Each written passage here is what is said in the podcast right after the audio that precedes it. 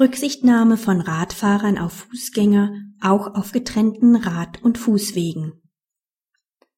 Auch bei getrennten Rad- und Fußwegen müssen Radfahrer nach 1 Absatz 2 StVO Rücksicht nehmen und dürfen darüber hinaus gemäß 3 Absatz 1 StVO nur so schnell fahren, dass sie das Fahrrad ständig beherrschen und innerhalb der übersehbaren Strecke anhalten können.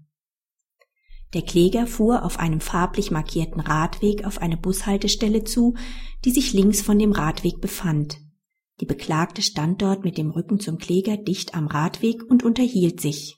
Der Kläger klingelte, als er sich bis auf zehn Meter genähert hatte, reduzierte aber nicht seine Geschwindigkeit. Die Beklagte machte eine Körperbewegung in Richtung Radweg, den sie nur leicht mit dem Fuß berührte. Der Kläger machte eine Vollbremsung, stürzte über den Fahrradlenker und verletzte sich. Einen Fahrradhelm trug er nicht.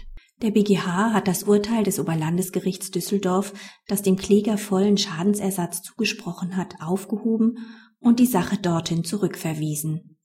Offen ließ der BGH ausdrücklich die Frage, ob das Nichttragen eines Fahrradhelms ein Mitverschulden begründet.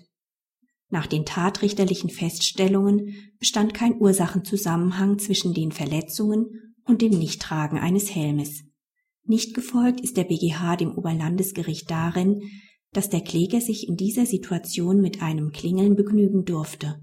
Zutreffend ist zwar, dass auch ein falsches Reagieren, hier zu heftige Bremsreaktion, dann kein Verschulden darstellt, wenn der Geschädigte unverschuldet in die für ihn nicht vorhersehbare Gefahrenlage gekommen ist und deshalb aus verständlicher Bestürzung objektiv falsch reagiert.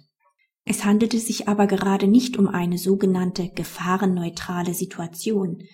Es bestand vielmehr die konkrete Gefahr, dass die Beklagte, zudem abgelenkt durch das Gespräch, bereits durch eine geringfügige Körperbewegung auf den Radweg gelangen konnte.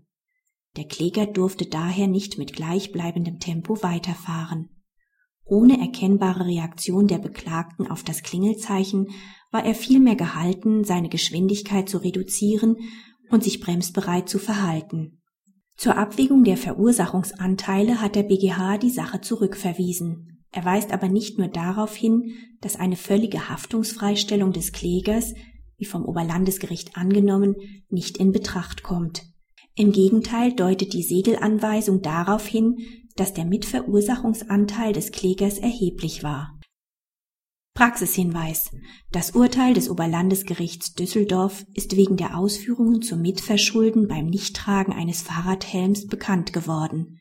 Es hat wegen der zunehmenden Akzeptanz zum Tragen von Fahrradhelmen zwischen normalen Freizeitfahrern und sportlich ambitionierten Fahrern differenziert.